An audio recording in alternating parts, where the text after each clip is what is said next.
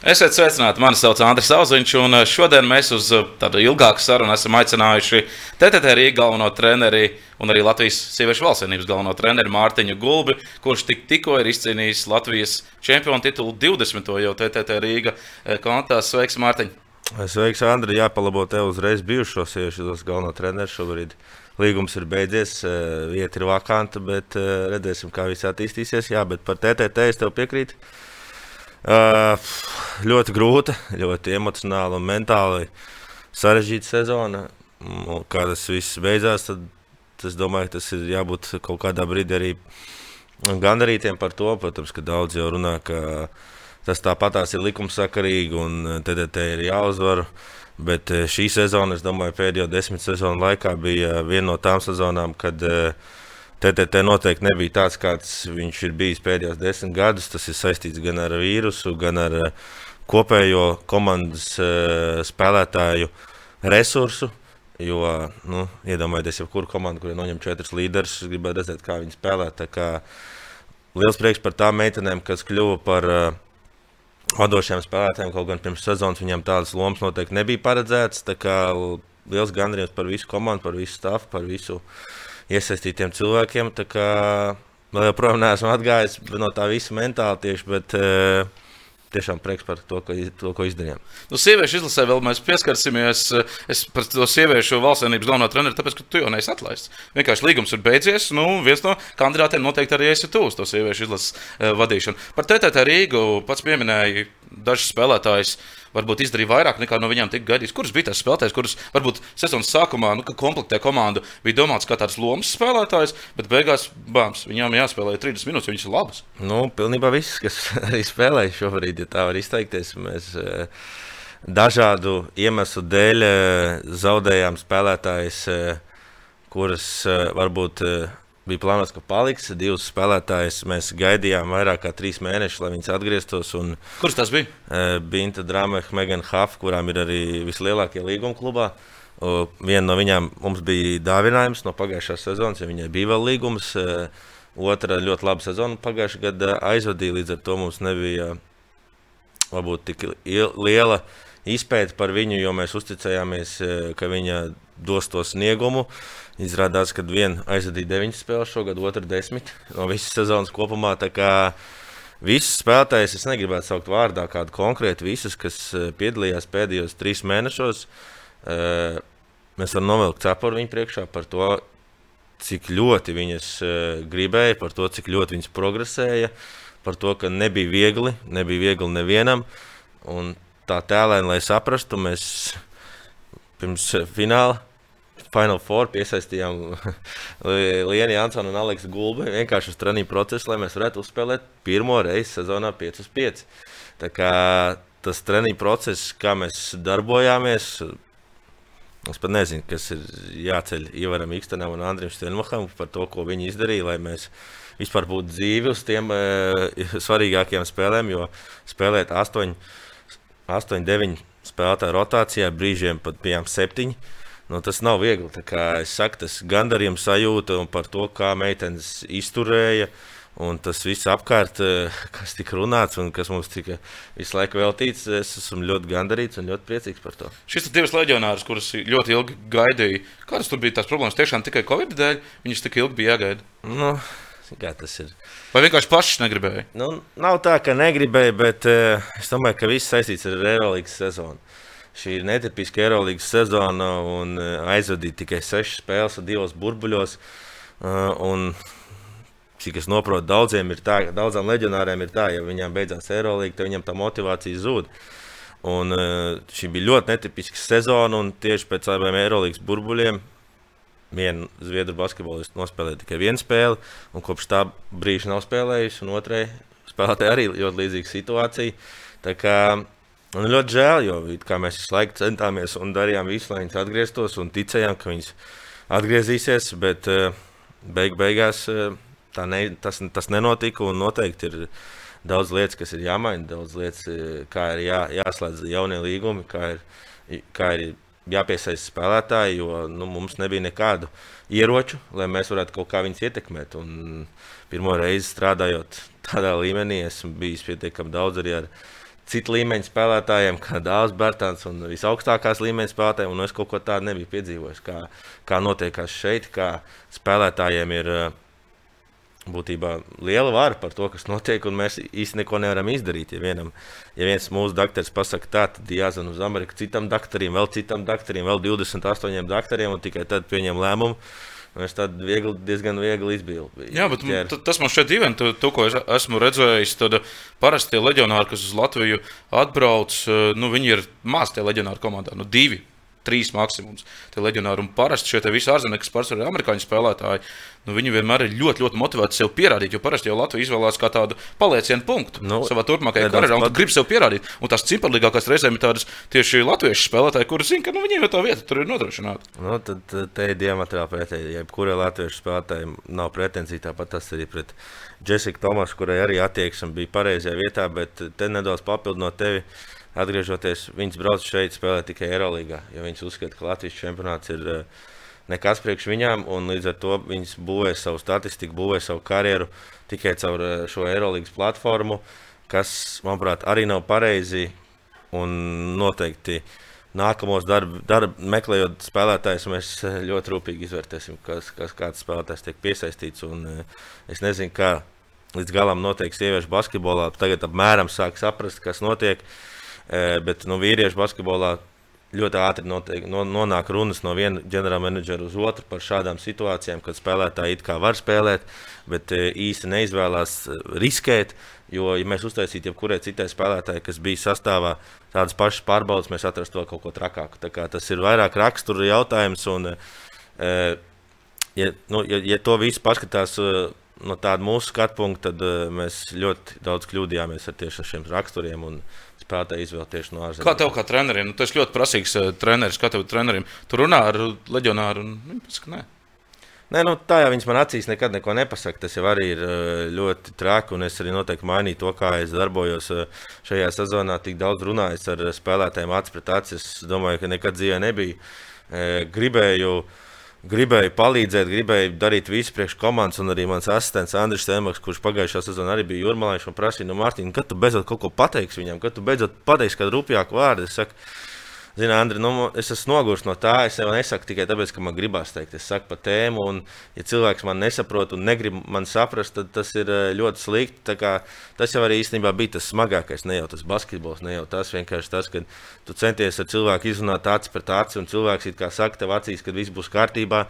Bet eh, beig, beigās eh, viņš vienkārši tev iespļaut veselē. Tas ir tas, kas man nav saprotams. Es tā neesmu audzināts, es tā neaudzināšu savu dēlu. Un, uh, no tā arī es noguru katru dienu bija kaut kādi jauni, jauni atgadījumi, jauni izaicinājumi, un tas viss kopā bija ļoti, ļoti sarežģīts process. Nu, Parasti šiem ārzemniecēm, kurš ir arī līderis, plānots kā līderis komandā, viņam arī ļoti liela teikšana ir. Nu, komandā tie ir mikroklimata izveidē. Ja viņas principā nav un nu, ne, reāli nespēlē dažādu iemeslu dēļ, ko varbūt nu, pat viņas varētu spēlēt, bet īstenībā negrib to darīt, nu, tad jau arī komandas mikroklimats ne, nedaudz sajūta. Nē, nu, nevajadzētu, nav, it kā, it kā, nav tā, ka negrib, it kā jau kaut kas tur ir, bet uh, līdz galam es domāju, ka mēs neuzzināsim, kas tur tajā visā ķermenī ir, jo neviens nevar ielīst nevienu cilvēku ādā. Bet, Nu, lieta jau tāda, ka tā ir jauna spēlētāja. Eh, tā Megana Hafa ir ļoti jauna spēlētāja. Viņa īsti, manuprāt, nesaprot līdz galam, kas ir profesionālisms un eh, ko prasa šis profesionālisms. Bet tāpat komanda jau ļoti labi jūt, ka, kas notiek no trenera, no trenera skatu punkta, ka treneris pasaka visu, kā ir, pasaka acīs, un tas neiedragā mikroklimatu, jo mēs visi izstāstām. Tādā ziņā, manuprāt, viss bija kārtībā ar mikroklimatu. Jo, nu, Viņi saprata, ka viņas var iztikt bez viņām, un ka katrai ir jauna loma. Tās spēlētājs, kas bija latviešu spēlētājs, un pievienojās arī Gunta, mums pietiekami pieredzējis, pietiekami augsts līmeņa spēlētāji, lai viņi saliktu visu pa plauktiņiem. Tur nebija nekāda problēma. Tā vairāk bija tāda mūsu mūsu problēma, kluba vadības problēma, ka mēs eh, centāmies līdz galam eh, to visu atrisināt, bet, eh, kā jau es minēju, nu, nav ļaunuma bez labuma. Tik latviešu basketbolisti spēlēt, un es esmu par to vēl daudzreiz gandarīts. Manuprāt, ļoti spilgti ir uh, Ilza Jakobsona. Pēc būtības, ja paskatās tos sastāvus, kas sezonas sākumā bija, nu, viņi bija kaut otrā saspēlēs domāt. Nu, to, ko Ilza izdarīja gan izlasē, gan arī TTT, tas, manuprāt, ir jauns līmenis un dod viņai pašai ļoti lielu pārliecību par saviem spēkiem, ka viņi var. Nu, jā, es negribētu izteikt tikai, uzteikt tikai Ilzi. Tāpat tās arī Iela Pulvera, Karlīna Pīlābe, Dinija Pavilsona, Ievka Orzā, nu visas spēlētājas. Viss spēlētājs, manuprāt, manā skatījumā, arī manos pierakstos, manos video analīzēs, ko es veicu, paskatoties atpakaļ par kādām kļūdām mēs runājam un par ko, kā viņi spēlēja. Beigās ir spēruši ļoti lielu soli uz priekšu. Protams, ka sākumā bija daudz savādāk, viņām bija grūtāk bija, bija saprast to, ko es prasu, bet caur tādu treniņu metodiku, caur to, ka mēs īstenībā Pirms pirmā aerolīgas burbuļa nespēlējām 30 dienas, pirms otrā 40 dienas. Eh, un tik un tā mēs eh, gājām, cīnījāmies. Un, eh, man patīk tas, ko es redzēju laukumā no viņām. Man patīk tā, tā deksme, tā enerģija, kā viņas darbojās. Un vispilgtāk man atmiņā paliek tā spēle pret Vāciju, kur es redzēju, tiešām, ka arī tā pati Kitija Laks, kas bija visu sezonu līdz tai spēlē pie mums, arī viņa bija spērusi to soli, ko es gribēju redzēt.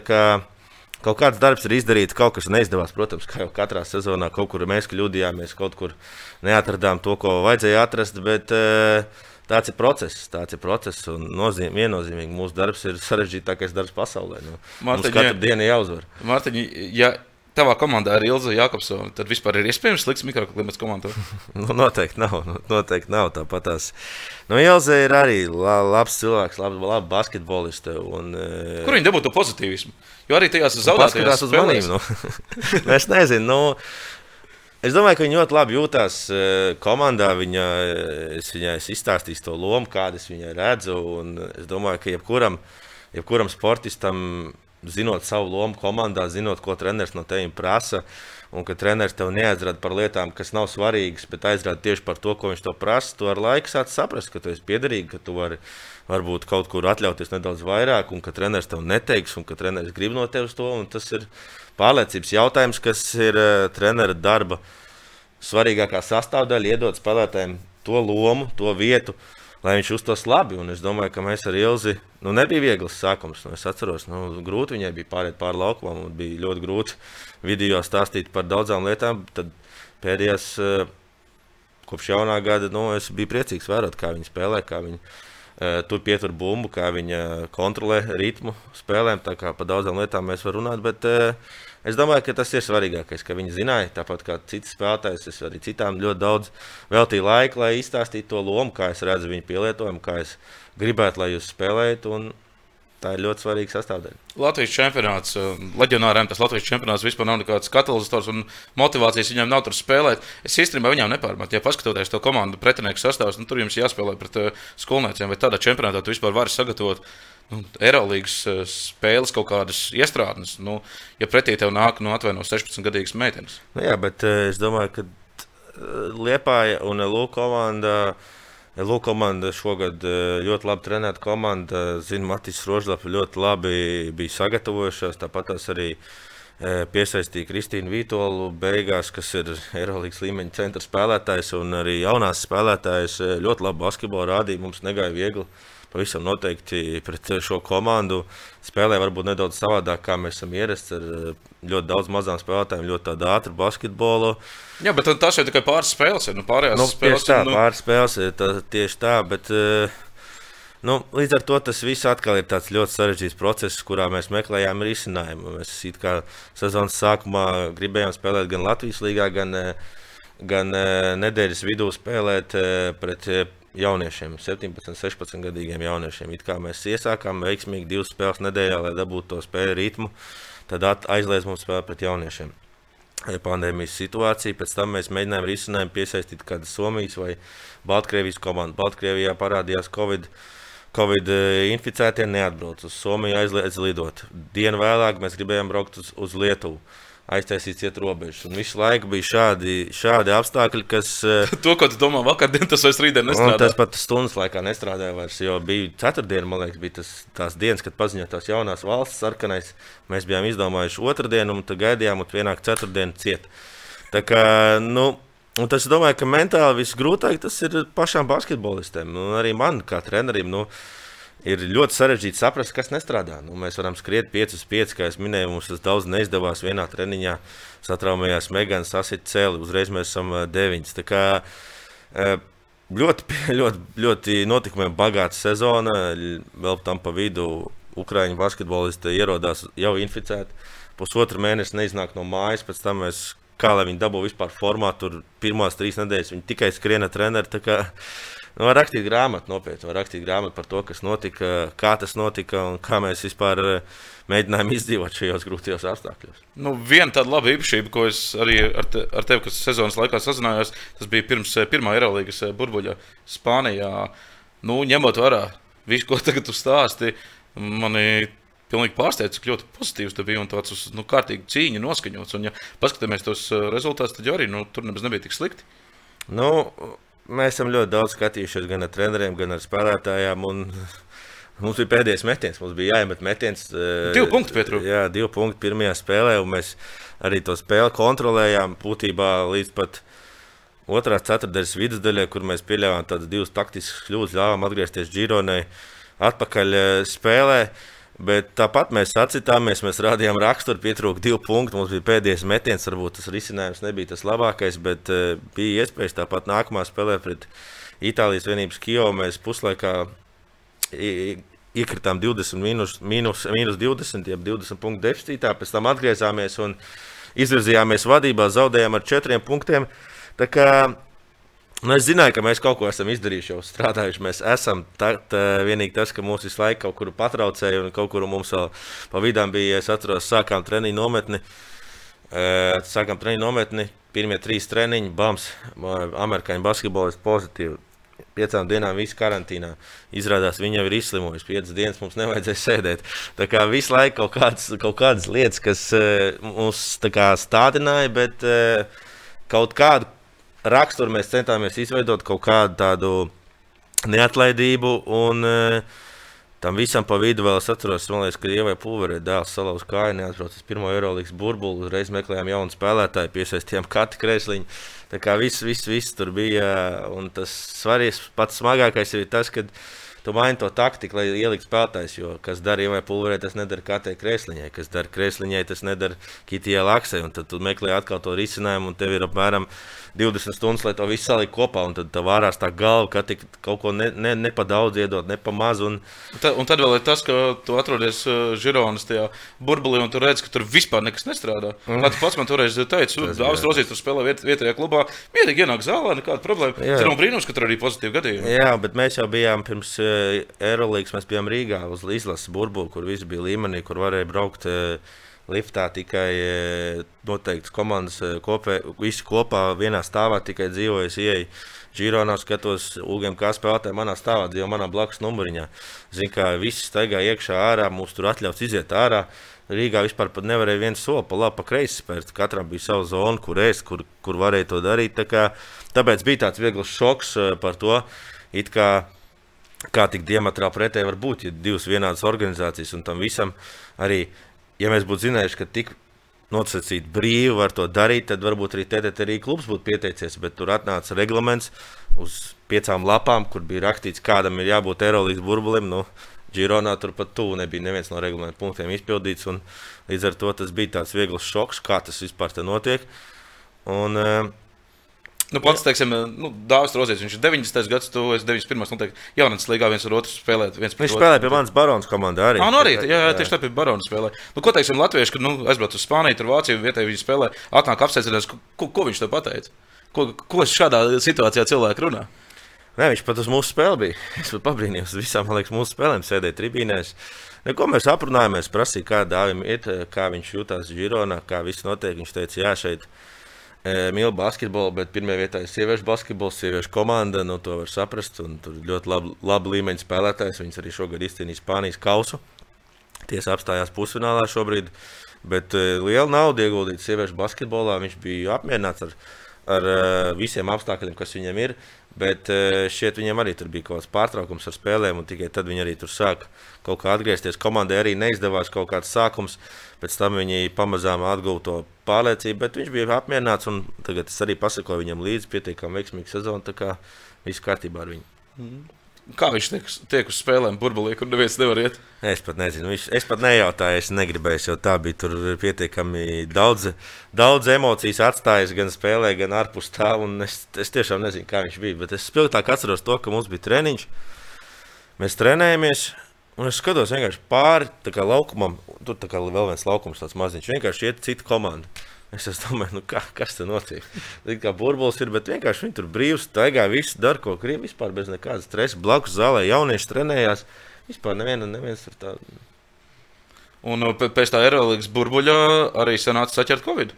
Nu, sanāca, jā, sanāca, sanāca, sanāca noķert. Tu, tu biji vienīgais? Es biju vienīgais, šķiet, kad uh, vēl pēc tam vienai meitenei arī bija jauna, jauna ievai korzānē. Bija.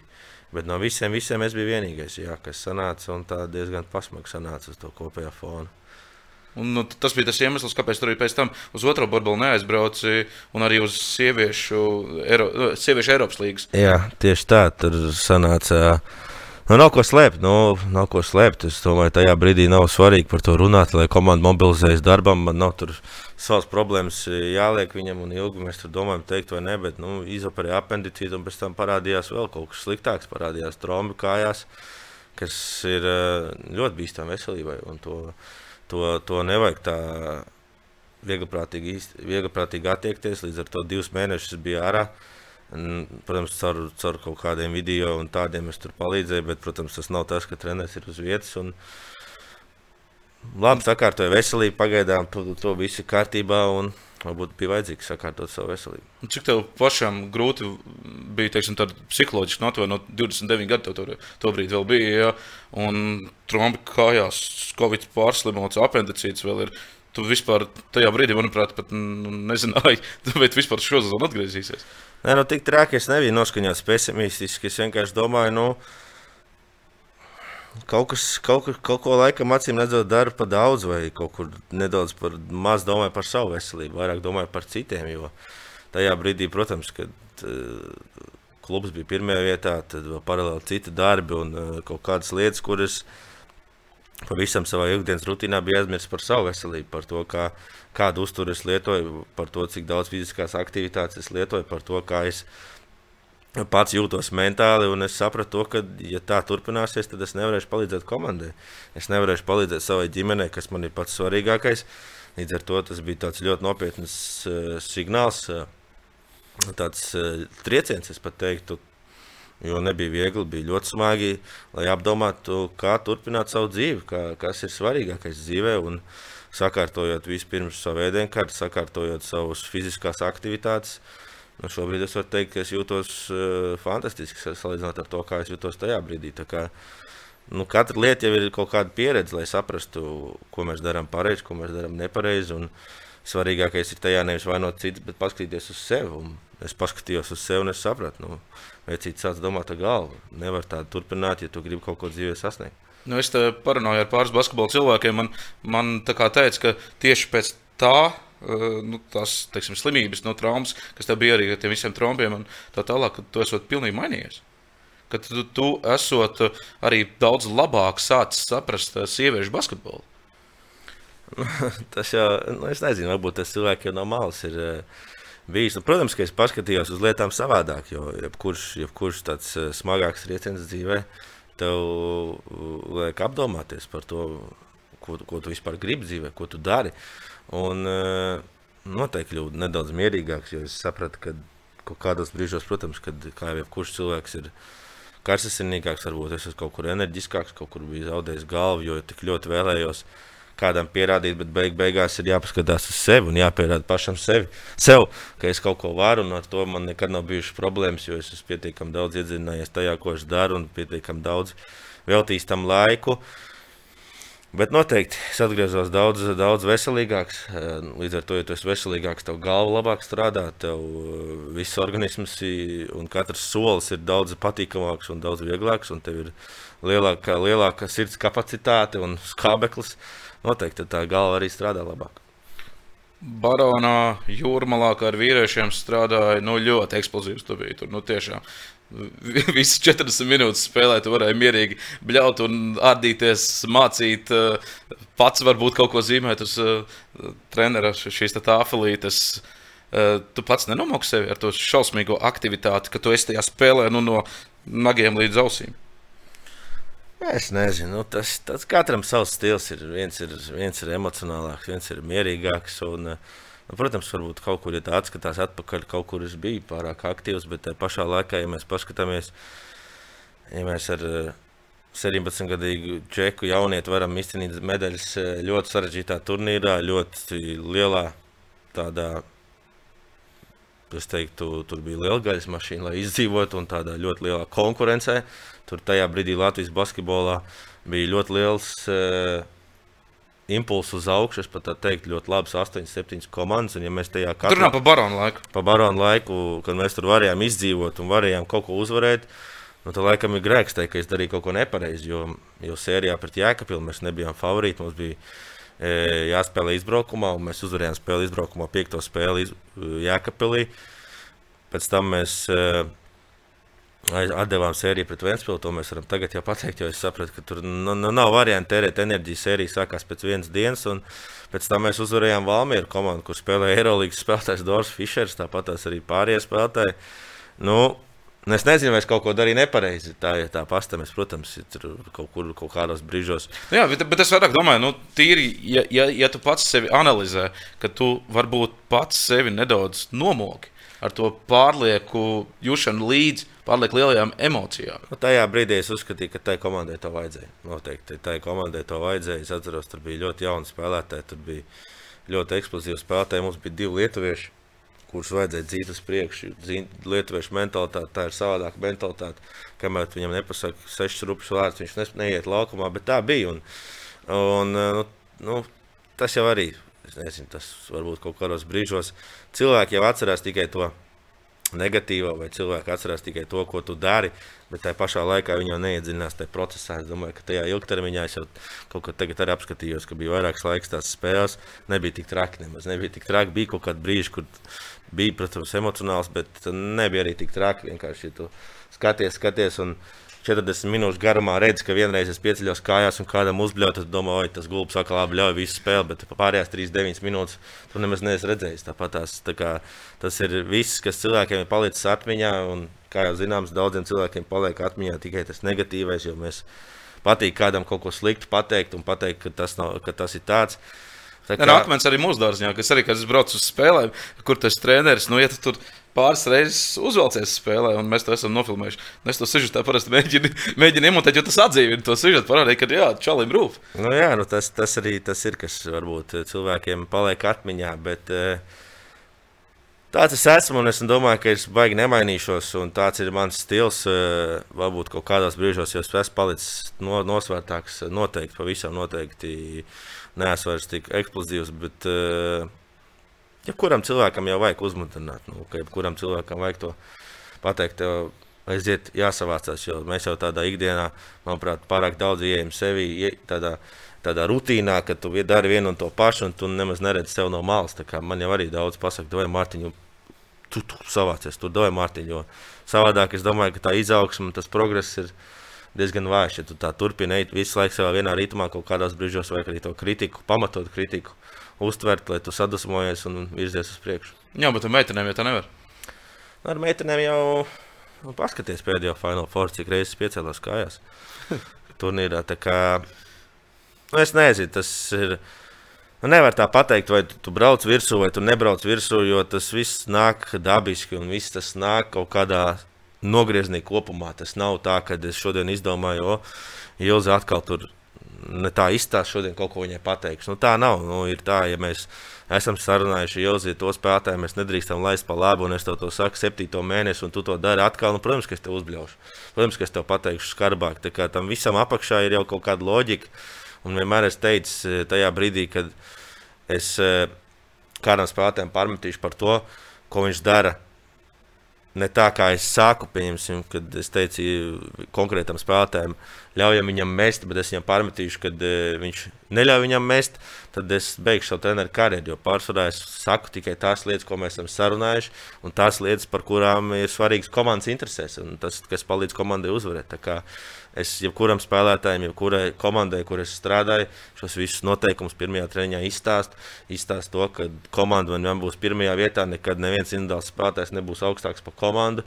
Un tajos brīžos Viņi, protams, varbūt to vēl nepieņem, bet sezonas gaitā tu to stāsti un stāsti. Un tad kaut kādā brīdī viņi saprot, ka ar pozitīviem piemēriem, kad komandas intereses vienmēr būs augstākas. Cik reizes šo sezonu treniņos varbūt kāda no spēlētājām nu, pēc tādas lielākas kritikas nu, apvainojās. Teiksim, tā, un varbūt Katra pat ārā.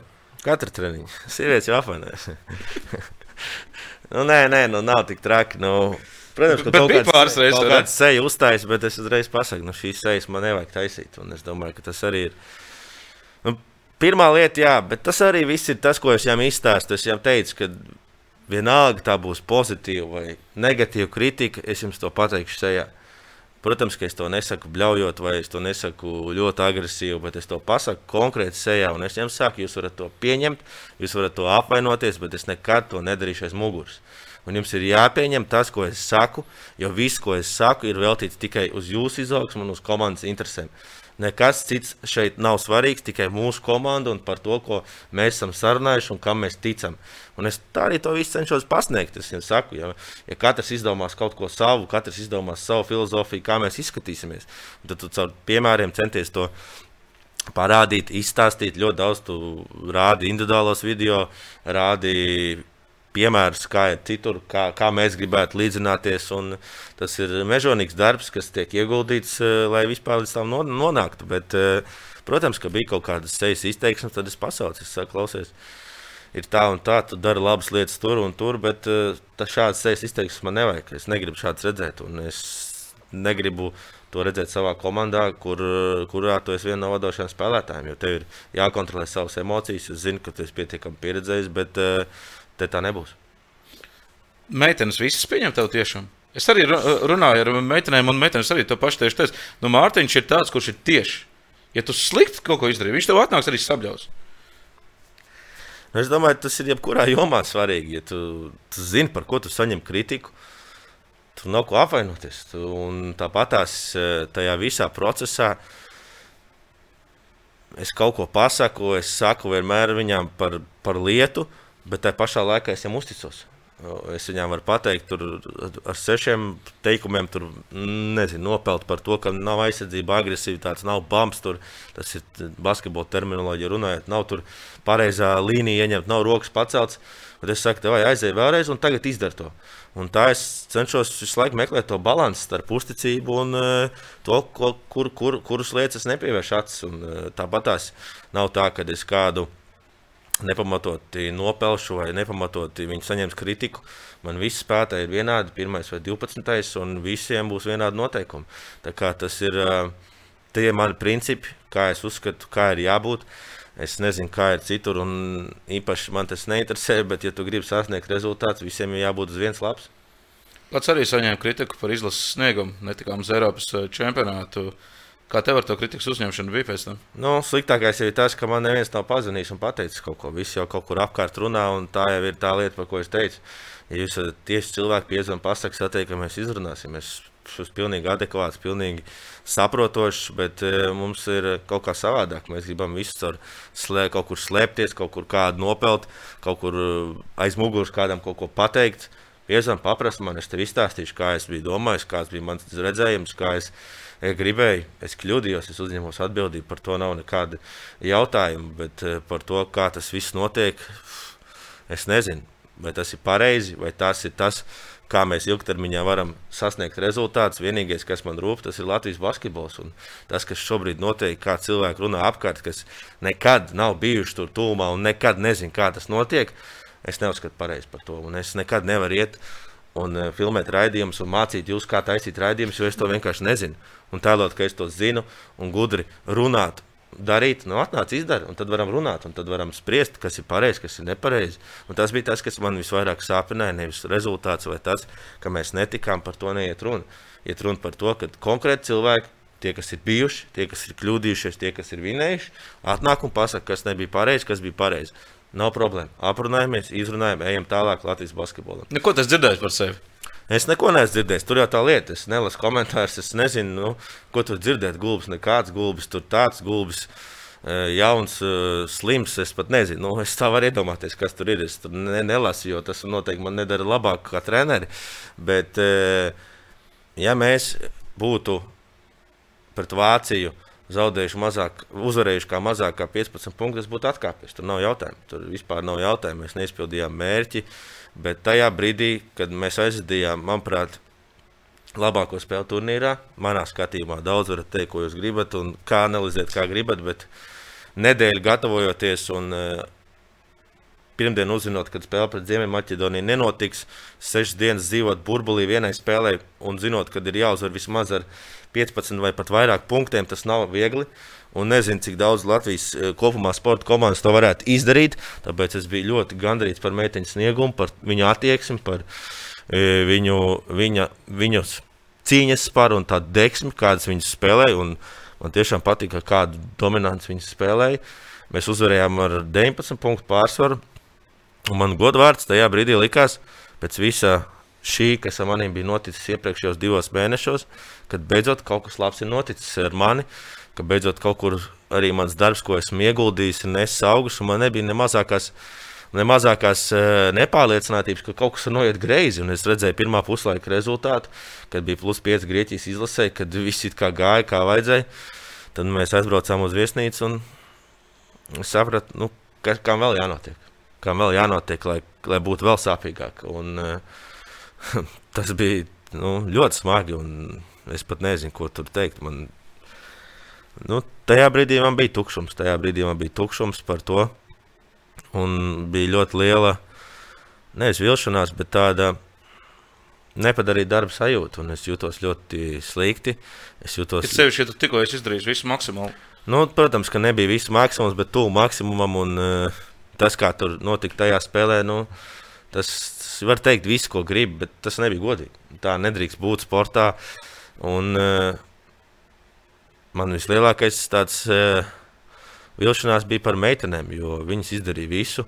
Viņas uh, pēc spēles, ar, pirmās spēles ar Vāciju, kad es domāju, visi mūs norakstīja un teica, ka komanda ir izgāzusies un komanda nespēlēs Eiropas čempionātā. Mēs uzvarējām Horvātiju dominējām arī tajā spēlē. Mums bija vairāk kā 26 punktu pārsvars, pēc tam mēs dominējām pret Vāciju. Un likās, ka tās meitenes ir uh, sākušas saprast vienu otru, sākušas saprast mani, kā, kā es labprāt gribētu spēlēt. Un mums tiešām izdevās. Un likās, ka tam visam ir jābūt turpinājumam, jāizved pāris pārbaudas spēles un jābrauc uz Eiropas čempionātu vēl gatavākam. Uh, bet uh, tur augšā kāds domāja savādāk, un tā atkal ir kaut kāda mācība neapšaubāmi. Uh, tā ir grūtākā sezona manā dzīvē. Ko tu LBS vadībai pēc tam savā atskaitē teici? Es teicu, ka liels paldies par iespēju. Liels, uh, bet, tu jau, bet tu jau saprati to, ka nu, līgumu uzreiz nepagarinās. Nu, es nezinu, tas jau arī tāds. Uh, protams, es neizpildīju uzdevumu. Tur nav jautājumu. Nu, es neizpildīju uzdevumu. Mēs netikām uz Eiropas čempionātu. Un, uh, Viņiem ir iemesls, jebkuram no treneru komisijas eh, pārstāvjiem kaut ko man pārmest. Nu, viņi, viņi, viņi to var darīt. Es pamatot kritiku var uztvert. Eh, un, ja man prasītu, ko es darītu savādāk, vai jūs man iziet pa punktiem, detalizēt, ko mēs darījām katrā situācijā, vai es kaut ko mainītu, diez vai. Diez vai es mainītu, jo tā līkne, kā mēs virzījāmies un kā mēs kustējāmies, nu, tā bija augšupējoša līkne. Un, uh, protams, ka kaut kur tas posms šajā līknē pietrūka, bet es atskaitījos par padarīto darbu, atskaitījos par uh, to, kā mēs strādājām, atbildēju uz jautājumiem. Un, Bija ļoti profesionāls un uh, tieši kā jau vienmēr pateicu, ko es domāju, pateicu, kā es to visu redzēju. Jo neviens tuvāk par mani tur nebija. Kāda attieksme bija no viņiem par tevi? Tiešām, ka tas kaut ko slikti izdarījis, vai ka vienkārši tiešām, nu, nu, tāda sakritība, ka vienkārši nu, nu, vēlreiz no desmit tūkstošu variantiem varbūt vienreiz tas notika. Nu, ļoti iespējams, ka tā būtu, bet es nezinu, nevaru ielīst viņa, viņa ādā, kā viņa jutās. Un, nekas tāds neviens tāds varbūt, varbūt es to nejūtu no cilvēkiem. Es nezinu, varbūt daudz baidās no maniem. Man tiešām dēļ nevar man pajautāt uh, kaut kādas konkrētas lietas, ko viņi īstenībā domā, bet cenšas kaut kā savādāk to pasniegt. Bet es nejūtu neko tādu negatīvu, nejūtu neko sliktu. Manuprāt, ļoti profesionāli, ļoti toleranti saruna par visu posmu kopumā. Man bija jāuzraksta atskaita, es uzrakstīju par to, kas mums izdevās, uh, par to, ka mums izdevās pulcēt visus labākās spēlētājus. Ja atceramies pirmo posmu, kur mēs spēlējām pret Horvātiju. Un, Ziemeļmaķedonija mums nebija Anēta Steinbergs, nebija Kitijs Laks, nebija Ievas Pulvers. Nu, tās ir ļoti svarīgas sastāvdaļas šajā kopējā katlā, lai būtu veiksmīgs rezultāts. Pēc tam jau atgriezās Anēta, par kuras profesionālismu un par kuras attieksmi pret basketbolu. Es biju pats pārsteigts, protams, ka tas atkal pierādās to, ka daudz runā, ka Anēta tāda, Anētai tur nevar atnākt uz eh, sarunu, bet mēs apsēdāmies tāpat kā te, Andri. Un es mierīgi aprunājos, un es pilnībā viņu sapratu. Es sapratu, es izstāstīju savus noteikumus tieši tāpat kā visiem. Es izstāstīju, Anet, ja tu kaut ko darīsi nepareizi, tu saņemsi tieši tādu pašu kritiku kā citi. Un viņi to pilnībā pieņēma. Mēs, var teikt, godīgi, man bija liels gods strādāt ar viņu un ar visām citām meitenēm, kuras uh, atdeva visu izlasē maksimumu. Tu pirms tam runāji ar Mārtiņu Zībertu lai noskaidrotu, kas tur vispār apakšā bija, kāpēc eh, Anēta eh, negribēja spēlēt Mārtiņa Zīberta eh, vadībā. Es runāju ar Mārtiņu pirms man apstiprināja par izlases treneri, bet mēs tik dziļi detaļās neiegājām par to, jo tas ir, manuprāt, viņa konflikts. Tas nav mans konflikts vai tā nav mana saruna ar viņiem, lai viņi paši atrisināt to un arī visas lietas, ko mēs runājam, vai no Mārtiņa vai Anēta, tas paliek starp mums, tas neiziet ārā. Tāpēc es domāju, tas ir ļoti svarīgi, kad cilvēks viens otru ciena un tas paliek starp viņiem. Es tur nejaucos, tas, tās ir viņu lietas, tās ir viņu lietas. Es teicu, ka te ir jauna, jauna labs puses Latvijas sieviešu basketbolā, te visiem ir vienādi noteikumi. Pirmajā reizē es saņēmu atteikumu no Anētas par piedalīšanos. Es teicu, nekas nemainīsies pēc gada. Tu esi viena no vadošajām spēlētājām, tāpat kā cits. Es tev gaidīšu, es tev uzrunāšu. Un, ja tev būs vēlme atgriezties, ja tev būs vajadzīgās emocijas, šeit manā izlasē, kur, kur es vadīju, tev vienmēr būs atvērts durvis. Tāpat nu. kā citām bas basketbolistiem. Ar ko tu, ar ko tu atrisināji šo konfliktu? Es, es nejaucos šajā konfliktā. Es vienkārši teicu, šī ir jauna labs puse. Es vienkārši iestāstīju to, ka nu, šeit ir uh, pilnīgi jauni citi cilvēki, cita komanda, citas prasības. No, protams, tas ir uh, pilnīgi cits, uh, cits zīmējums. Noteikti kaut kā savādāk komanda spēlēs, un tas, kas ir bijis pagātnē, tas nav jāņem līdz šobrīd. Un tas ir jāstāj pagātnē, ir jāizdara secinājumi. Es tur nebiju, es nezinu, kas jums tur bija pa konfliktu. Tā kā man tas īpaši neinteresē, es, es vēlos, un arī tā kā es visu uh, pozicionēju arī Latvijas Basketbola Savienībā, es gribu, lai Latvijas izlasē spēlē labākās basketbolistas. Līdz ar to pirms katra burbuļa es centos uzrunāt, katru individuāli aprunāties, izstāstīt, ko es gribu, un uh, saņēmu pozitīvu attieksmi no um, spēlētājiem. Man bija kā jau teicu, es to laiku izbaudīju fantastiski. Tā bija man lieliska pieredze. No katras spēlētājas arī no viņām es mācījos, nevis tikai es viņus mācīju.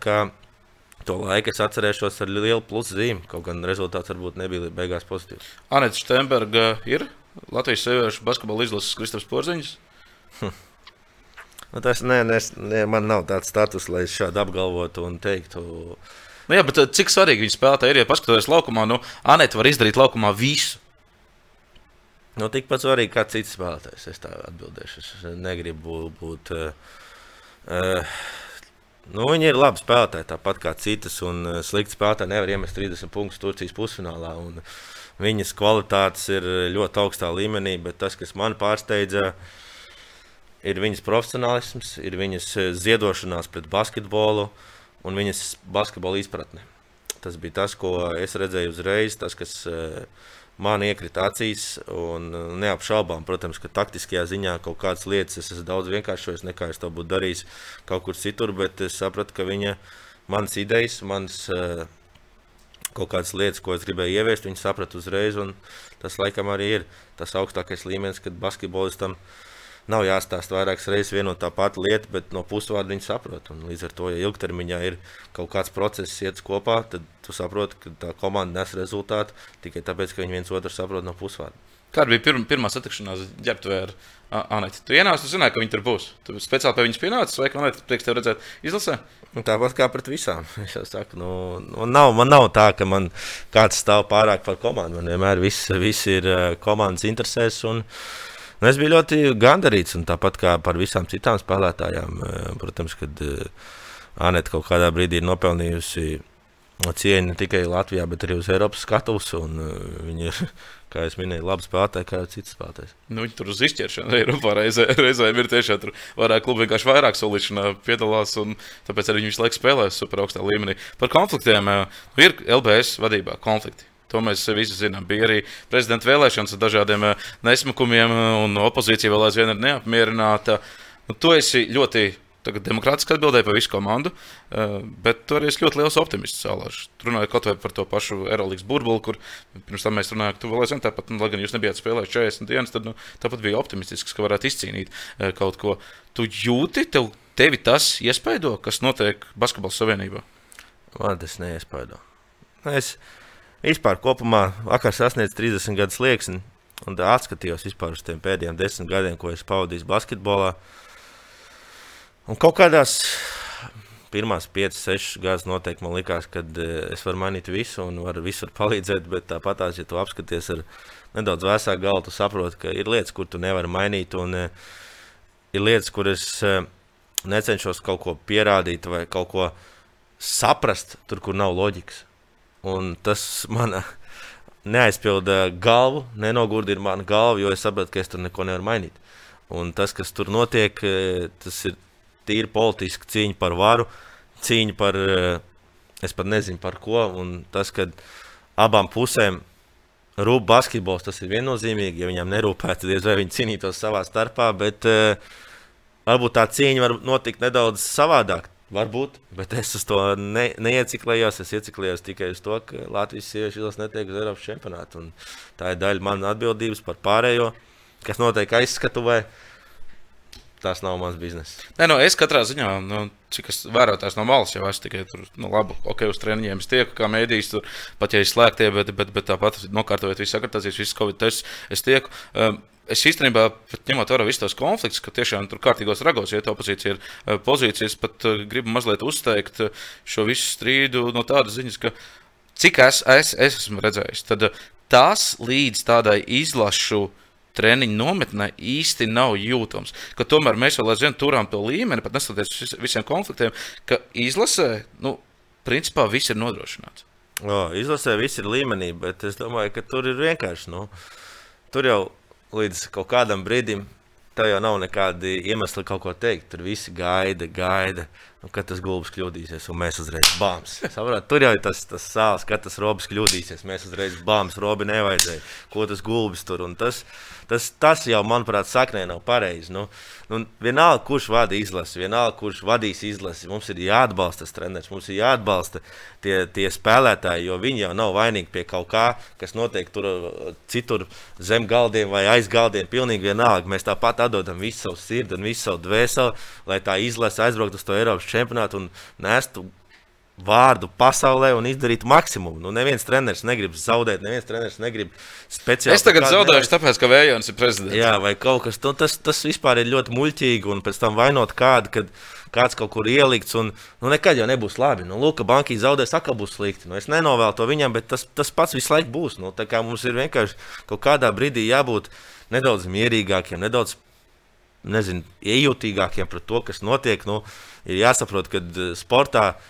ir kāpumi, ir kritumi, bet tādā ilgtermiņā, nu, protams, ir jāiziet cauri kaut kam, lai viss izdotos. Nu, protams, ka pēdējos desmit gadus nu, nav bijis eh, tādi pozitīvi piemēri. Varbūt vīriešu basketbolā sieviešu pietiekami bijuši gan pasaules kausa, gan arī Eiropas čempionātā labi spēlējuši. Bet, uh, tam visam ir, manuprāt, jāpieiet nedaudz vieglāk un jāsaprot un nedaudz tādā atbalstošākā sistēmā. Un, ja, ja vadība ir izvēlējusies un uzticējusies, tad arī sabiedrībai jā, jā, jātic tam. Ir. Protams, ja sabiedrība netic, tad tad ir diezgan grūti strādāt. Uz tevi šī brīža vadība neskatās kā uz tādu opozicionāru. Tomēr TTT ir tur Arthurs Stalbāks, kurš arī opozicionārs bija eh, Mārtiņš Lava, arī opozicionārs, eh, teiksim, tā šī brīža varēja. Nu, ja viņi tā skatās, tad tas nav pareizi un tas nav profesionāli. Nu, tie ir mani darba devēji, un es, es, es vienkārši daru savu darbu, par ko es parakstīju līgumu. Un man nav neviens cilvēks slikts, balts vai melns. Man viss ir vienādi, un es daru, kā jau minēju, tikai to, ko es varu izdarīt vislabāk un konkrētajā brīdī Latvijas basketbolam. Nu, man nav tur svarīgi, kas vada savienību, kas vada klubu. Ja mēs esam uz vienas lapas, jūs man uzticaties, un es uzticos jums, tad mēs ejam kopēji ceļu. Tas nav nekas tāds. Es cenšos tās lietas eh, vispār neņemt galvā un cenšos no tām tikai pasmieties. Un kopumā es vispār neuztveru nopietni cilvēks, kas eh, nav manā jomā un tiem cilvēkiem, kam es uzticos. Nu, viņi nezina pirmkārt pilnīgi neko. Viņi nezina, kā viss notiek, kā radās, piemēram, kā TDT Rīgas sezona šogad bija. Nu, tur tādam Arthūram Štābergam, kluba vadībai vispār ir Es nezinu, kas ir jādara par to, kā, kā vispār klubs izdzīvoja. Tas, tas tiešām nebija viegli. Un, tas, tas, tas ir ļoti subjektīvi kaut ko teikt no malas, un tas ir vieglākais ceļš. Un, manuprāt, tādā brīdī cilvēks ir nelaimīgs tas, kas to dara. Jo nu, kā tu vari priecāties par citu neveiksmēm un nopelt kādu citu, nemaz nezinot faktus. Nu, tas ir ļoti neprofesionāli, un līdz ar to es uz to necenš, necenšos koncentrēties. Daudz, daudz saka, ka, ka tu esi ļoti talantīgs treneris. Daudzi grib, lai tu būtu nākamais Latvijas izlases treneris arī pieaugušo basketbolā.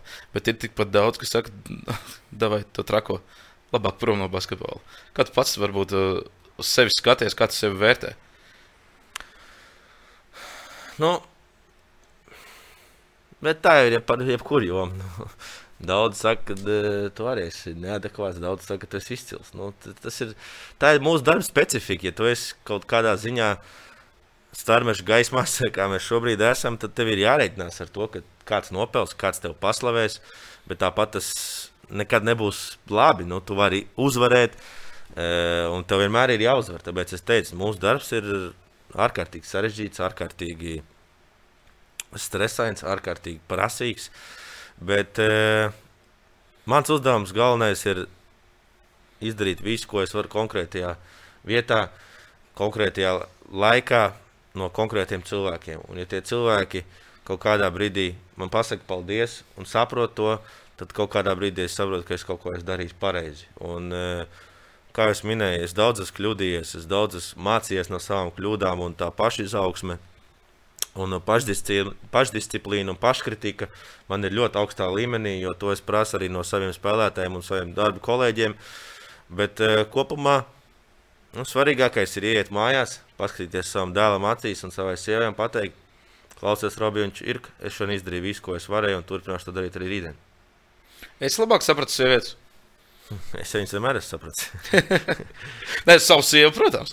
Bet, bet, bet uh, basketbola jomā uh, tīri šobrīd, kad tas ir nu, treneris. Teikšu godīgi, pēdējos divus mēnešus man patīk, kā mēs darbojāmies. Man patīk, ka viņas ir sapratušas uh, nozīmi mazajām lietām, ko es tik ļoti esmu uzsvērs, kas maina basketbola spēles dinamiku, maina spēles kopējo zīmējumu.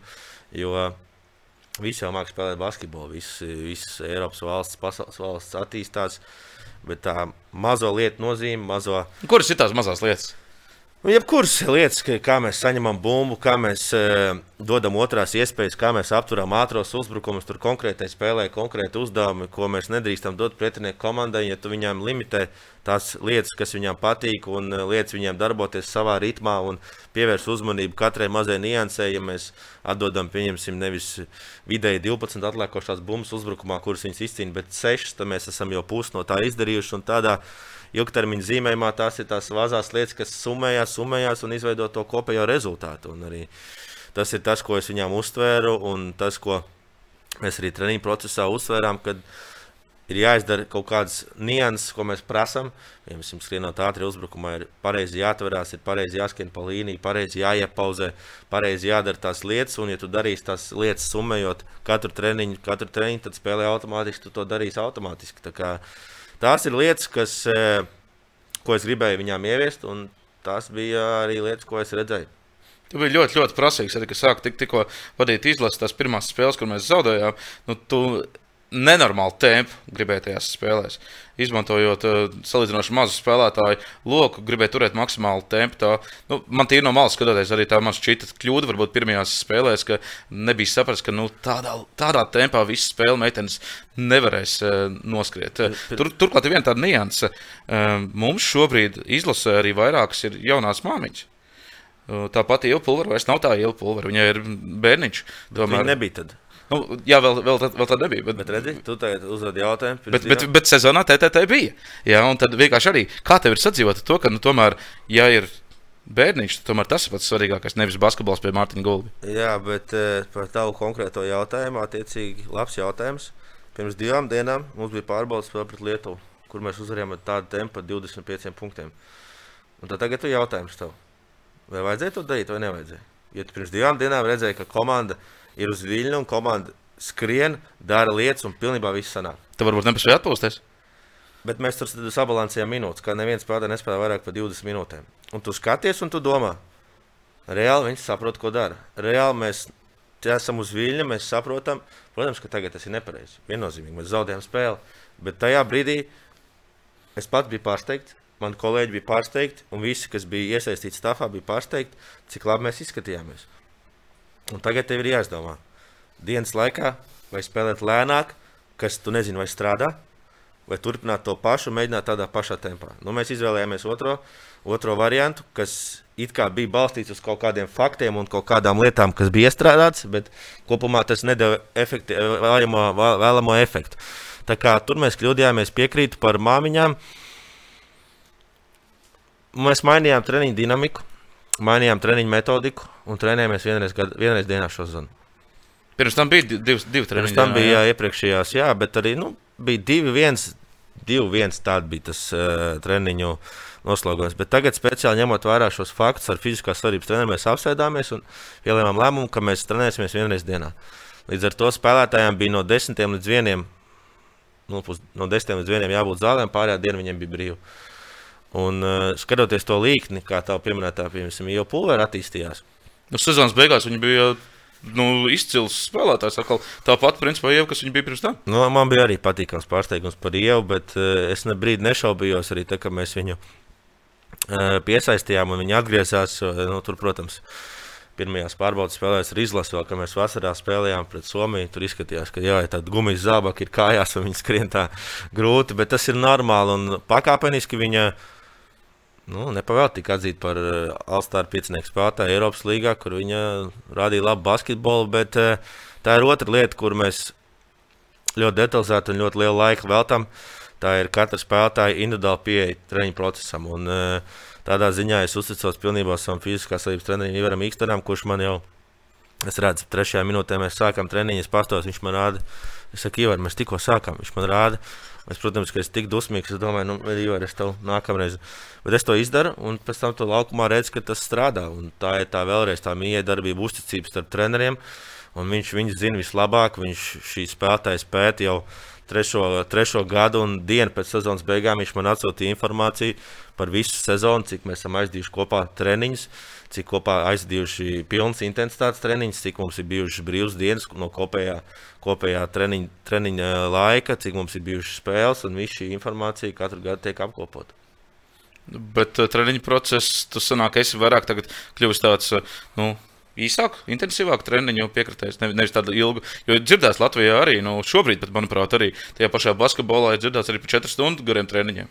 No, nu, tā tāda aizvēsturiska tēma, manuprāt, ir. Jo, Es arī Dāvim Bērtānam bija uh, savs fiziskās savienības treneris un fizioterapeits uh, Itālis, kurš arī ir uh, viss aerolīgs atbildīgais par uh, Covid protokoliem, viņš visu zina par uh, katras komandas uh, fiziskās savienības treneriem, un viņš arī teica, ka visas aerolīgas komandas, zinot, ka jāspēlē divas spēles nedēļā, pāriet uz vienu, vienu treniņu dienā, tas kopējais treniņu apjoms ir ļoti minimāls, jo Viņi spēļu formā un savā fiziskajā formā iet caur spēlēm, caur spēli, spēles ritmu, caur caur to ka spēle ir palikusi ārkārtīgi fiziska, ārkārtīgi atletiska. Un, ja tu vēl šo visu atletiskumu un visu jaudu lietas treniņu procesā un lietas viņiem trenēties ilgi, tad tas traumu risks pieaug ārkārtīgi lielā līmenī. Tas viss ir apkopots, tas viss ir izpētīts.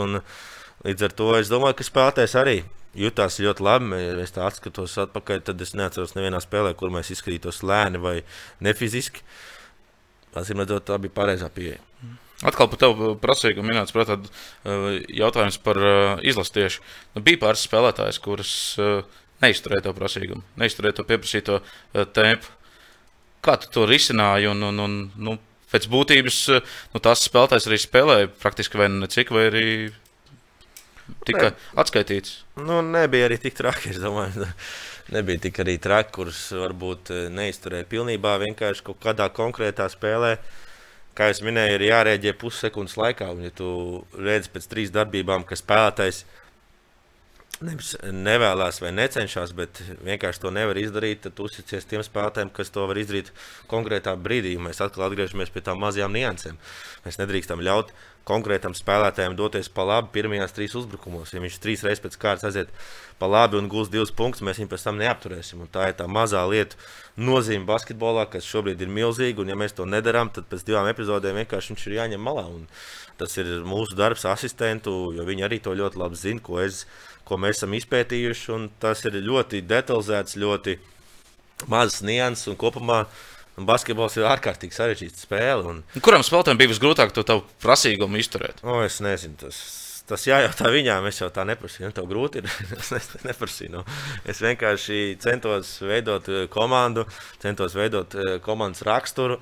Eh, kā mums, treneru korpusam, tas likās pareizi. Un, un pieņemsim, es provocēju tevi, Zent. Nebija tik traki. Nebija, nebija vienkārši kaut kādas lietas, kas mums nesagāja.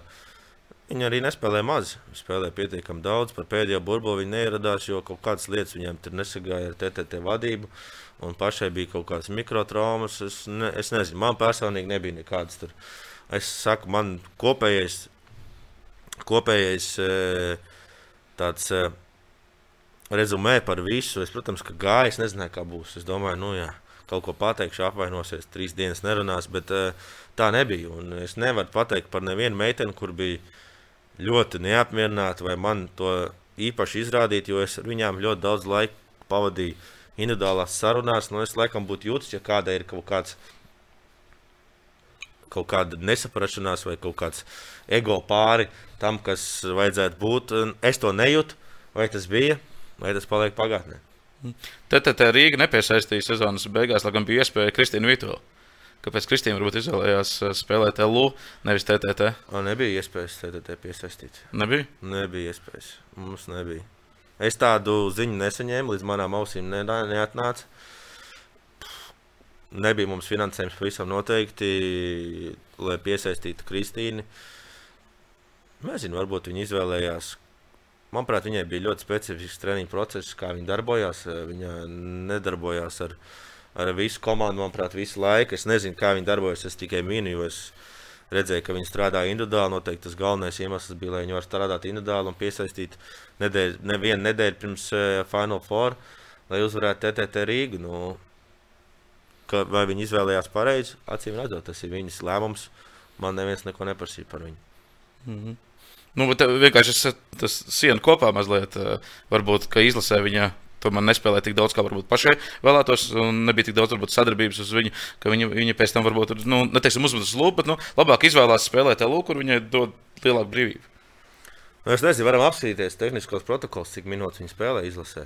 Ja es pareizi atceros, 30 minūtes bija. Nu, jā, nu, viņi spēlēja daudz, protams. protams. Pēdējā spēlē pret Vāciju viņi nespēlēja tik daudz, varbūt, cik vajadzētu. Jo lieliski spēlēja Karlīna Pīlābera, kura pie manis spēlē sezonā un kura uzreiz var ielikt sistēmā. Plus Kristīne, manuprāt, bija nomainījusi komandu, bija Stambuls Fenerbahčs komandā, kur ir viena no titulētākajām komandām un šogad izcīnīja trešo vietu Final Four. Tur vienkārši viņa, manuprāt, netika vispār pie minūtēm. Un, uh, ja basketbolists nespēlē, ne vīrietis vai ne sieviete, tu, tu nevari ielikt tādā līmenī, tik atbildīgā spēlē, vienalga kāda tev meistarība, jo tev vienkārši vajag to spēļu praksi, tev vajag tās sajūtas. Tas bija tas arī, kas mums baidīja attiecīgi ar TTT klubu, ka mēs neesam spēlējuši, mēs nezinām, kā būs. Kur mēs saņemsim bumbu, kādā leņķī mēs saņemsim bumbu, cik ātri mēs pāriesim no aizsardzības uzbrukuma. Mēs neko nezinājām. Un tā bija tāda mīkla, un tajā attiecīgajā brīdī mums bija jāuzvar Vācija. Karlīna pie maniem bija bijusi, un viņa aizdīja savas divas labākās spēles karjerā, manuprāt, izlasē pret Horvātiju un Vāciju. Es nezinu, par ko tur apvainoties. Komanda uzvarēja. Un atgriežamies pie tā, komandas intereses pāri visam. Par tavām interesēm. Tu vēl aizvien esi ļoti, ļoti jauns uh, treneris. Pirmais tāds ielikšana lielajā basketbolā bija Baronā.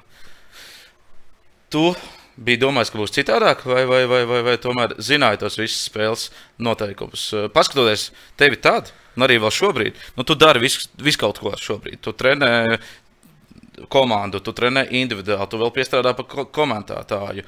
Vai tiešām LBL līmenī, toreiz arī Baronā, nevar samaksāt cilvēkam, trenerim, galvenajam trenerim, top 3 komandā, lai, lai, lai, lai nu, nebūtu jāraujās uz 15 darbiem? es pat negribu teikt, cik man tur maksāja. Un tas arī nav svarīgi. Vai, vai es biju pelnījis vairāk, diez vai. Vai es pateicos, ka man deva tādu iespēju? Nenormāli. Vai es izmantoju to iespēju? Pavisam noteikti. Un par tiem daudziem darbiem, nu kā var atteikt Dairim Bērtānam trenēt individuāli? Nu, kā klausies, Dairi, es šodien negribu nevecīt. Vai Dāvis Bērtāns man piezvan, Dāvis pats trenējas. Nu, ko, nu, kā es varu atteikt? Nu, protams, ka tas ir uh, mana sirdslieta, viņi ir visaugstākā līmeņa sportisti, un tā bauda trenēt viņus ir neizsakām liela. Un es novēlu to jebkuram trenerim, kad uh, nu, mums ir kaut kāda uh, sistēma izveidojusies pavisam noteikti šo trīs gadu laikā. Un, es tur ķeru kaifu, es tur ķeru emocijas, strādājot ar visaugstākajiem līmenim, un tās emocijas man palīdz citos darbos. Par komentēšanu. Un tas arī man ir kaifs. Tā ir sava mana veida rutīna, kur es gatavojos ļoti nopietni, kur es izpētu daudzas lietas. Un, uh, kur es daudz mācos. Es mācos no tās spēles. Es skatos, ja, tu jau varētu mācīties, sežot pie sava mājas televizora. Nu, jā, bet tas nu, jau tā lieta, ka es sēdētu mājās, skatītos tāpat. Es labāk apvienoju ar uh, liederīgo. Varbūt kādam tas uh, palīdz to, ko es stāstu, vairāk saprast basketbalu spēli.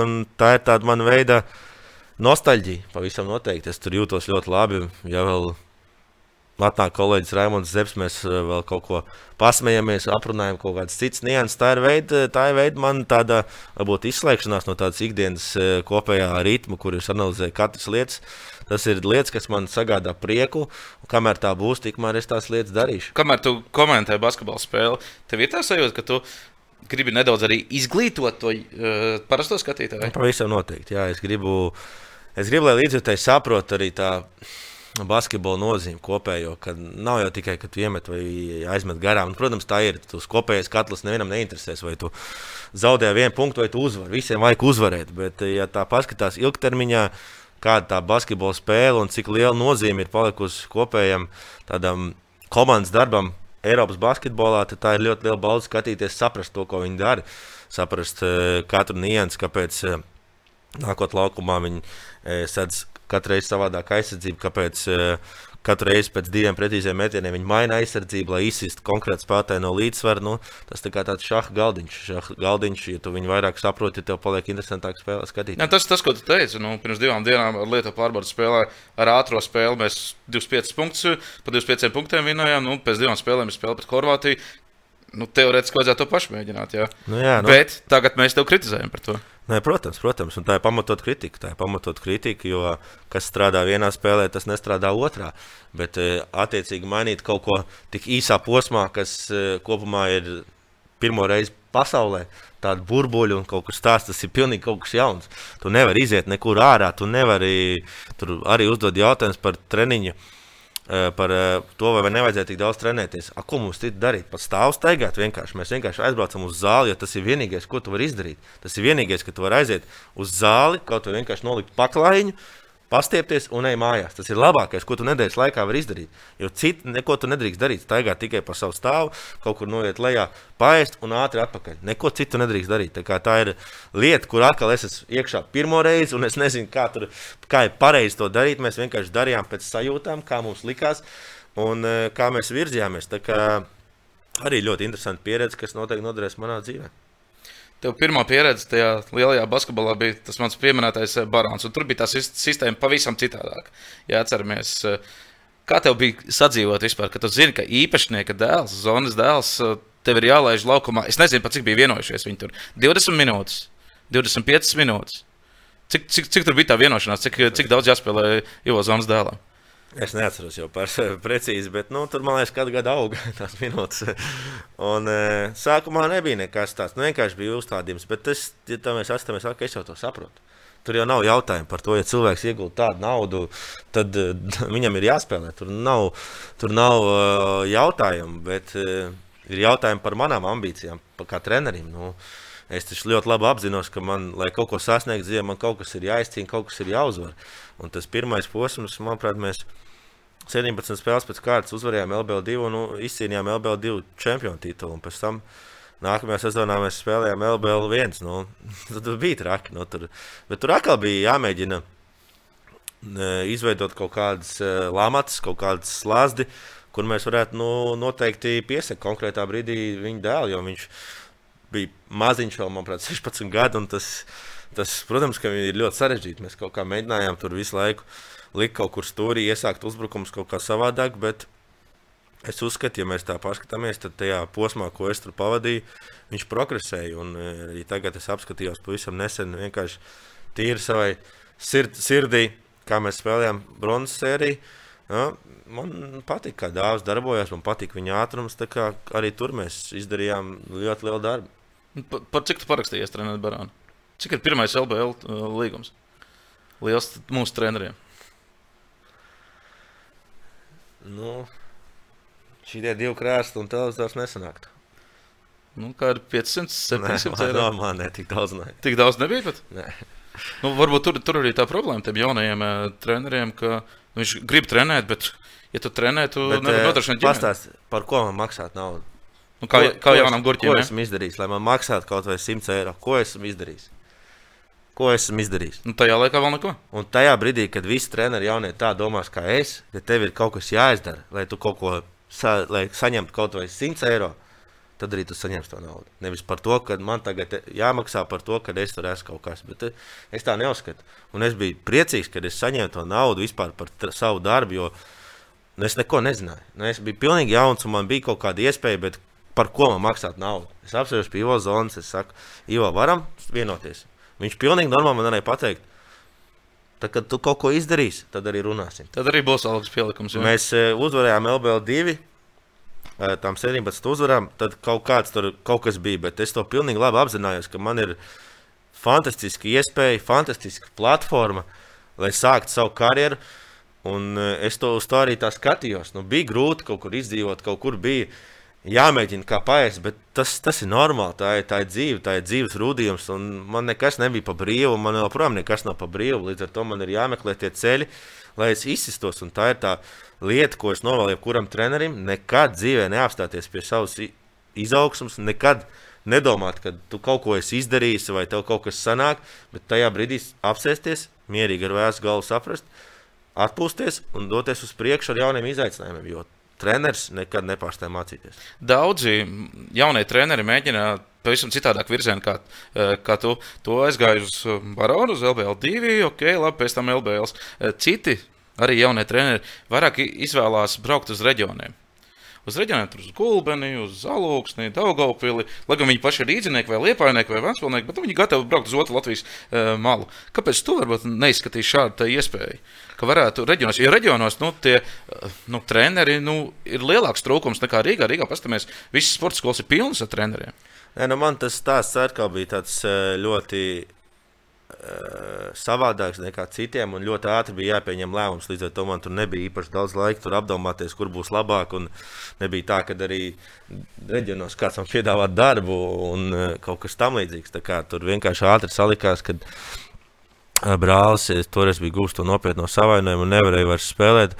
Brālis nāca pie maniem trenēties, es kaut ko tur vilku ārā no saviem pierakstiem, ko es biju gadu laikā pierakstījis kā spēlētājs. un Viņš saprata, ka es uh, saprotu, ko es daru. Protams, ne līdz galam. Tajā brīdī. Nu, es Bet- domāju, ka šobrīd ir nelīdz galam. Jā, bet Jo visu ā, laiku tā, jāmācās. ir. tā vīzija, tā, tas vīzija un tas, kā es viņam stāstīju par vingrinājumiem, kur tos pielietot un kā izmantot, viņam likās interesanti. un Tad veiksmīgi sanāca zvans ar baronas vadību, un ātri, ātri bija jākļūst par asistentu Edgars Teterim, un es ātri pieņemu to izaicinājumu. Jā, tad tu tā nemēģināji caur to piramīdas apakšu, caur, Es- caur la- jaunatnes basketbola līniju, caur sporta Es skolām. nemaz nezinu, nezināju, kas tas ir, jo es nezināju, ko es darīšu tajā brīdī. Man bija beigusies basketbola karjeras, bija tādā vieglā iz, e, šokā. Liels izbīlis bija par to, un tad vajadzēja vienkārši kaut kur meklēt, atrast sevi, un tā tas viss aizgāja. Būtībā, ja, nebūtu brālis vecākais, tad iespējams tur nemaz nesāk trenēt. Nu, es noteikti sāku, bet noteikti tas ceļš būtu savādāks un daudz sarežģītāks. Nu, es neteiktu, ka tagad viņš ir ļoti viegls, jo ir bijuši daudz eh, kritumi un daudz tādas ļoti pamācošas sezonas un ļoti sarežģītas sezonas. Bet, eh, kā jau minēju, es nekad neesmu apstājies savā izaugsmē un nekad to centīšos nedarīt, lai virzītos uz priekšu. Jūrmāls posms. Nu, tur pēc manas iegūtās informācijas bija nu, trīsreiz lielāka alga nekā baronā sākumā. Nu, bija, jā, bija, bet Nu, eh, e- LVL tajā laikā, tajā nu, top 4, top 5, varētu teikt, varbūt top 6 komandās, treneris varēja nopelnīt ap 1500 uz rokas. Nu, varēja, jā, varēja, varēja, bet uh, tas viss jau bija jāskatās. Uh, Mums alga 12 mēnešus, mums maksāja 8. Līdz ar to tajā brīdī tā summa izskatās lielāka, bet kopumā tas sadalās 12 mēnešiem. Tā nemaz nav tik liela summa. Un uh, pēc veiksmīgās sezonas Baronā ļoti ilgi bija, bija, bija jāgaida, jo tur vēl visādi blakus apstākļi, kas liedz man pievienoties augstākā līmeņa klubam, jo Barons vadība uzskatīja, ka eh, es esmu neesmu pildījis viņu nosacījumus un neesmu darījis to, ko es sarunāju. Es pilnībā viņiem piekrītu. Bet vai tik ļoti vajadzēja manī žargonā runāt čakarēt, es nezinu. Bet e, visu vasaru es jutos tāds tikai ķilnieks, jo es nekur nevarēju iet. Man bija nu, līgums, tas bija vēl, vēl barā. nosacīts līgums. Skaitījās. Jā, bet viņi, bet viņi neplāno nemaz startēt Latvijas basketbola līgā. Ā, jā, darīja jā. visu, darīja visu, lai es neatrastu jaunu darbu vietu. un Tad paveicās, ka tāds cilvēks kā Edgars Romanovs kļuva par Jurmālas prezidentu. Un, manuprāt, septiņas dienas pirms sezonas sākuma es vienojos ar Jurmālu, jo nedēļu pirms sezonas oficiālā sākuma Barons teica, ka nebūs. Tur arī es nezinu, kāpēc tik ilgi tas viss tika no, no, no, no, novilcināts. Jo tajā brīdī, kad Barons pasaka, ka viņi nepiedalās, tad man beidzās līgums. Nu, tā mums klaužās, protams. Jā, bet to jau viņi varēja izdarīt. eh, Mēnesis ātrāk vai divus mēnešus ātrāk. varēja arī izdarīt sešus mēnešus ātrāk. Un, uh, nu, sešas, ne, bet četras, un to viņi speciāli garumā. Un paveicās, ka bija tāda jūrma. Tad uh, fantastisks laiks. Es tur biju laimīgs.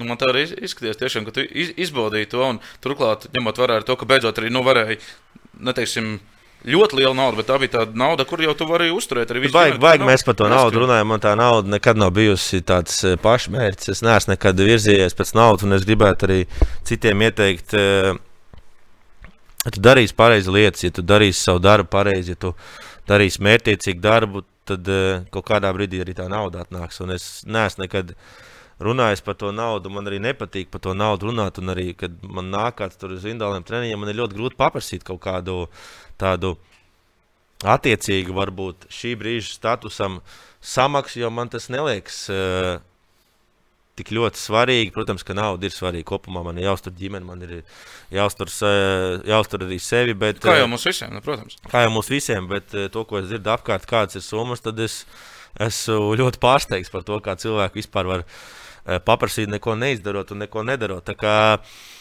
bet jūrmālā tas bija grūts arī laiks, jo mums bija ļoti īsā laikā kaut kas jāizveido, bet beig beigās mēs ļoti lielām grūtībām kaut ko izveidojam. Klau, Mārtiņ, ļoti daudz jaunās paudzes treneri izvēlās diezgan ilgi mēģināt tikt tādos varbūt lielākos klubos, bet kā treneru asistenti. Tu neesi vienkārši tāds cilvēks. Vai, vai kāpēc mēs te varbūt neredzam kaut kur pie kādas eh, vēl lielākas eh, komandas? Ne, neredzējām, teiksim, vīriešu basketbolā. Eh, Kā treneru asistenti varbūt kādam nu, pieredzējušākam blakus. Vai tu nejūties īsti savā ādā? Nu, tā arī varētu teikt. Bet eh, es nekad neesmu teicis, ka es nevaru būt asistents, jo man patīk mācīties, man patīk iegūt eh, kaut ko jaunu. Bet šobrīd, ja mēs tā skatāmies uz pēdējiem pieciem gadiem, man nav bijis tāds eh, piedāvājums, kur es varētu apsvērt un kur es varētu saprast, ka tas ir manai izaugsmai. Ka tas ir tas treneris, tā organizācija, kur es varu izaugt kā cilvēks, pirmkārt, un kā speciālists. Līdz ar to tāds piedāvājums vēl nav bijis. Bet, eh, ja tāds sekos un ja tāds būs, es noteikti tādu apsvēršu. Nav, nav runas par to. Un Kristaps Zeits, eh, arī Nikolais Mazurs ir bijuši austrumos, no uz Krievijas puses. Tur, eh, un latvieši nu, izskatās, ka var tur latvieši tikt, kā arī varbūt bijušās pašpadomju savienības valstis. Pats es apsvērsu domu paskatīties arī tajā virzienā, jo nu, tur šobrīd naudas ir huī. Ļoti daudz, un līmenis arī šobrīd jau arī tādās eh, valstīs ir eh, nu, pietiekami labs tajā basketbolā, kur pat var arī eh, progresēt.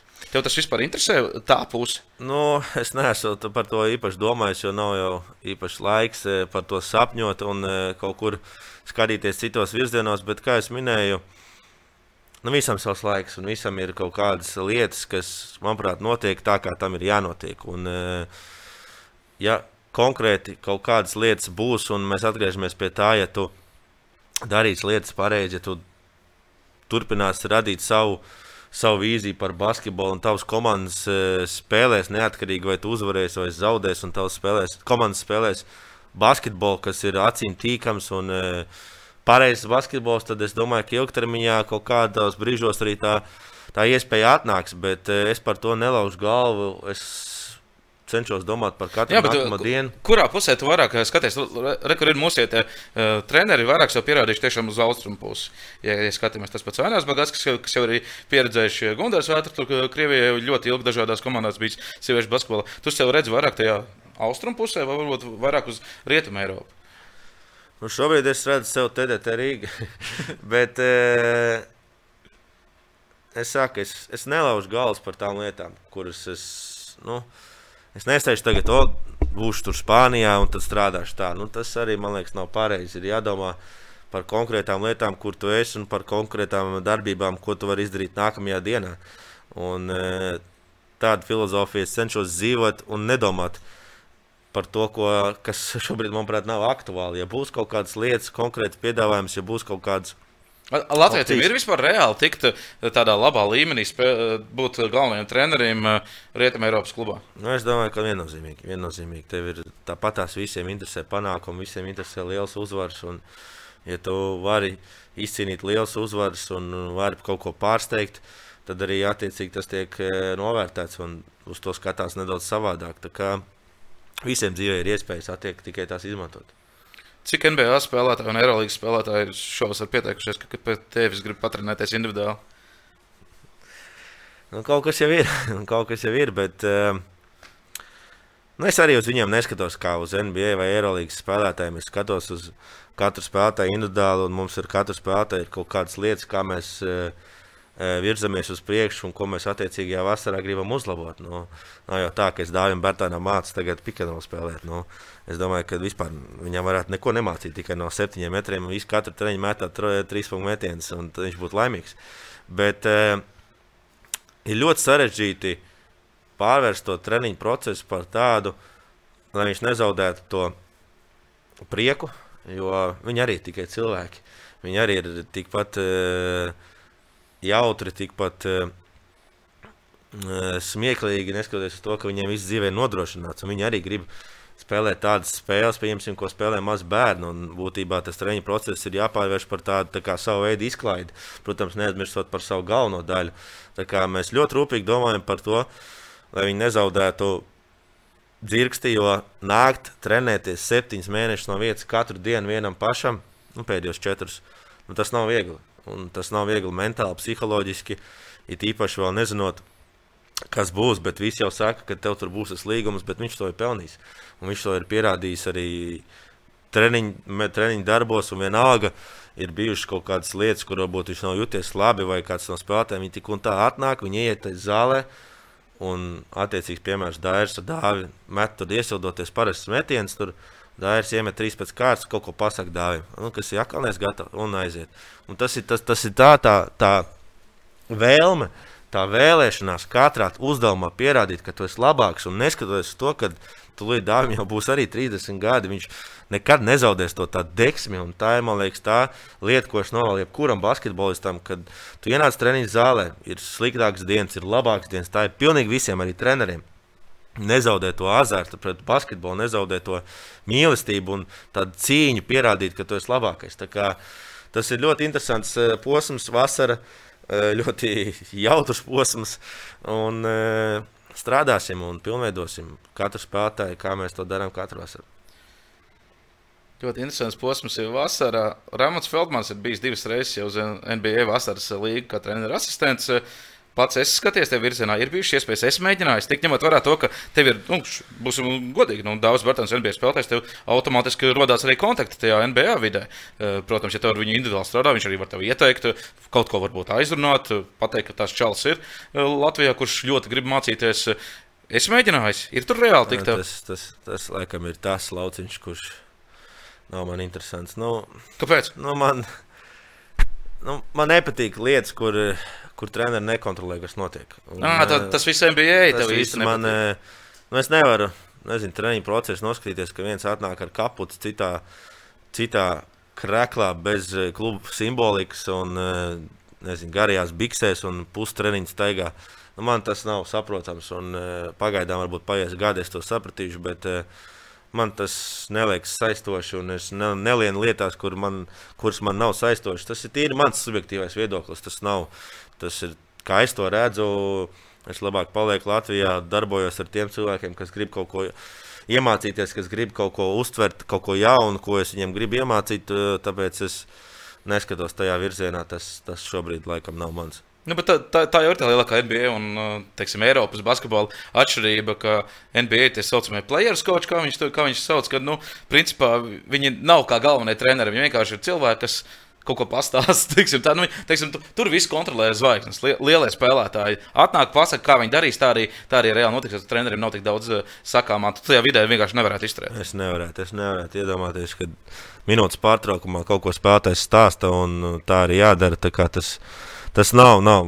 Es nezinu, vai tas, tas, tas ir biznesa. Tas nav basketbols, tas ir biznesa viennozīmīgi. Un tur, protams, ka liela nauda un līdzjūtēji maksā naudu, lai viņi konkrēto spēlētāju redzētu laukumā. Līdz ar to viņš kaut kādā brīdī arī, manuprāt, saprot to, ka treneris var teikt, ko grib. Un, eh, man liekas, tas spilgts piemērs bija arī Deivids Blats ar Lebronu Džeimsu, kur it kā Deivids Blats pietiekami autoritīvs treneris, bet diezgan ātri viņš tika atbrīvots un no viņa šķīrās. Nu, protams, ir kaut kādas organizācijas, kur ir izņēmumi, kā San Antonio Spurs, kur Gregs Popovičs tāpatās man šķiet, ka Bostonā arī kaut kāda kārtība tur ir. Bet, bet tas ir uz vienas rokas pirkstiem saskatāms. Tas uh, arī tas, ko es neesmu nostājies nevienu basketbalu spēli NBA šogad, bet tas, ko es esmu redzējis highlightos, kur dāvs spēlē, nu nezinu, tas Rasels Vesbruks skriena bumbu un skatās jau, kur piespēlēt, un viss tic, ka viņš metīs grozā, bet viņš dod piespēli. Nu, tik, tik mākslīgi man tas viss izskatās. Tas ir mans. No Eiropā katru to punktu dabūtajā grozā ir krietni, krietni grūtāk. Nu, tas ir tā, ir tā, tā būtība, ka tev viss ir daudz sarežģītāk uh, dzīvē nāk, un ka tev ir jāpiepūlās, ka tev ir jāpakustina smadzenes, lai tavs spēlētājs vai tava komanda uh, apspēlēt pretinieks kaut kur taktiski, un tā jau ir tā emocija gama, kas tev dod to prieku, ka tu ar ļoti lielu cīņas par ļoti lielu tādu plānu un vēlēšanos e, sasniedz rezultātu. Nevis ar šovu, ar kaut kādiem trakiem tāmetieniem, kas varbūt līdzjutējiem patīk, bet tā kopumā nav mans. Jā, lielākā bauda tāda, tāda veida trenerim, ka tu šķiet ir atstāt pretinieku komandu uz 40 iemestiem punktiem spēlē. Nē, nu, lielākā bauda ir tā, ka visu to, ko tu esi darījis, piemēram, nedēļu, kā tu esi gatavojies pret konkrētu spēlētāju, un tu redz, ka tas strādā, kad komanda ir jau tā, ka tā komanda jau sajūt. Tā komanda jau sajūt, ka, oh, te mēs darām pareizi, ok, te mēs tur palīdzam, hop, mēs pārķeram, skrienam ātri uzbrukumā, un tur redz, tie pieci cilvēki laukumā smaida, vēl septiņus soliņus ceļās kājās, un tā jau ir tā basketbola burvība, manuprāt, kad visi 12 spēlētāji, visi treneru korpusi, visi ir iekšā, visi. visi jūt līdzi un visi saprot, kas notiek laukumā. Tas ir tas, kas veido šo basketbalu spēli skaistu. Nu, paldies, Mārtiņ! Paldies par uh, sarunu. Novēlu tiešām nākamajā sezonā tur viss sastāvtu 40 punktiem, lai aizsardzība strādā, lai uzbrukums skēmas arī strādā. Un, protams, mēs arī gaidīsim. Uh, Uh, nu, pašam drīz jau jābūt īstenībā tam lēmumam arī par uh, Latvijas sieviešu basketbola izlases galveno treneri. Uh, tur vai, kandidāti vairāk sarunas arī tur ir ievirzījušās. LBS pagaidām vēl klusē. Arī dzīvosim, redzēsim, ka, kā turpināsies, kā būs, kā nebūs. Mārtiņ, paldies! Un tad tiekamies jau mēs nākamajā epizodē, kur, protams, arī runāsim par Latvijas sportā aktuālajām tēmām. Paldies! Vislabāk!